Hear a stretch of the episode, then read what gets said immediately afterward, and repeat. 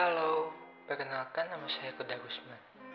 Kali ini saya akan membahas mengenai nilai apa saja yang ada di lingkungan masyarakat. Pertama, kita ingatkan kembali bahwa nilai merupakan suatu sifat atau kualitas yang melekat pada suatu objek ataupun subjek.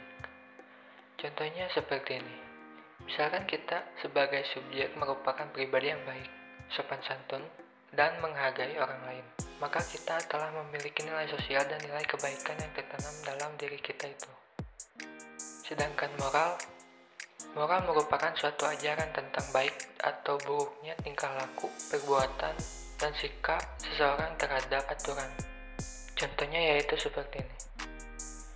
Ketika kita sedang melewati orang yang lebih tua daripada kita, maka kita harus membungkukkan tubuh, mengucapkan salam ketika bertemu orang lain, mengucapkan terima kasih ketika kita mendapatkan sesuatu dari orang lain. Nah, setelah kita mengetahui apa itu nilai dan moral, saya akan sedikit bercerita mengenai nilai dan moral yang terjadi dalam lingkungan masyarakat. Jadi, pada suatu hari, sebut saja si Fulan, dia hendak pergi bersama saudaranya menggunakan motor. Pada saat di perjalanan, mereka berdua asik ngobrol dan bercanda. Tak lama kemudian, terjadi sebuah insiden kecelakaan tunggal. Kebetulan pada saat itu kondisi cuaca sedang gerimis.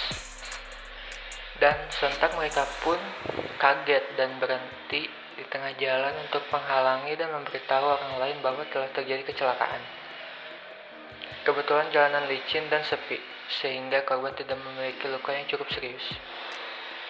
Lalu, si Fula menghampiri korban dan membantunya untuk pergi ke pinggir jalan. Sedangkan saudaranya menghalangkan kendaraan tengah jalan untuk membersihkan bekas-bekas pecahan bodi motor si korban dan membawanya ke pinggir jalan raya. Setelah saudaranya selesai mengurus semua itu, mereka berdua membantu korban untuk pulang ke rumahnya.